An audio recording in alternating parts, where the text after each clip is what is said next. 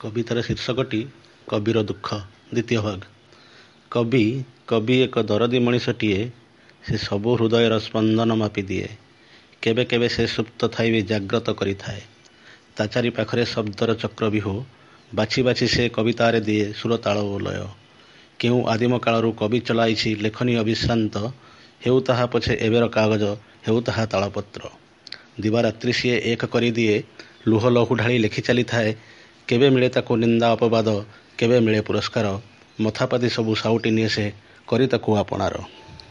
ଶୋଷଣ କଷଣ ନାରୀ ନିର୍ଯାତନା ଅବା ହତ୍ୟା ଲୁଣ୍ଠନ ସବୁ ସ୍ଥାନ ଦିଏ ତା କବିତା ମଧ୍ୟେ ମନକୁ କରିଣ ଟାଣ। ସବୁ ଜିମାଠାରୁ ସଂସାରର ପ୍ରତି କୋଣ ଅନୁକୋଣ ତା ଆଖିରେ ନାଚୁଥାଏ ସବୁ ଜିମାଠାରୁ ସର୍ବହରା ଯାଏ ତା କାବ୍ୟରେ ଖଞ୍ଜି ଦିଏ। କେବେ ଲେଖେ ସିଏ ସୁଦୂର ପଲ୍ଲୀର ମିନୁ ନାନୀ ବୋହୂ କଥା ପଇସା ଅଭାବେ ଗର୍ଭେ ପିଲା ଧରି ବୁଜିଦେଲା ଆଖି ପତା।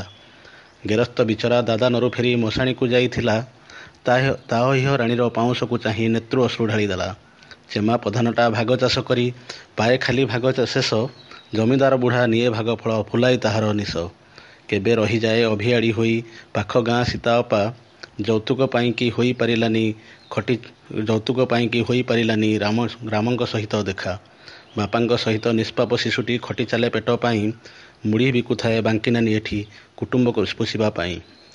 ସହରର ଏକ ଅନ୍ଧାରୀ ଗଳିରେ ଚାଲେ ଦେହ କିଣା ବିକା କେତେ ଦୁଃଖ ଆଉ କବି ଦେଖୁଥିବ ଦେଖୁ ଦେଖୁ ହୁଏ ବୋକା। ବାରମ୍ବାର ଯେତେ କଲମକୁ ତାର ଧିକ୍କାର କରେ ସିଏ ପୁଣି ଭାବେ ମନେ ସେ ଯଦି ନ ଲେଖେ ଏ ଦୁଃଖ ଲେଖିବ କିଏ? କବି ମନ ସଦାଭାରାକ୍ରାନ୍ତ କେବେ ପୁଣି ହେବ ଏଇ ସମସ୍ୟାର ଅନ୍ତ?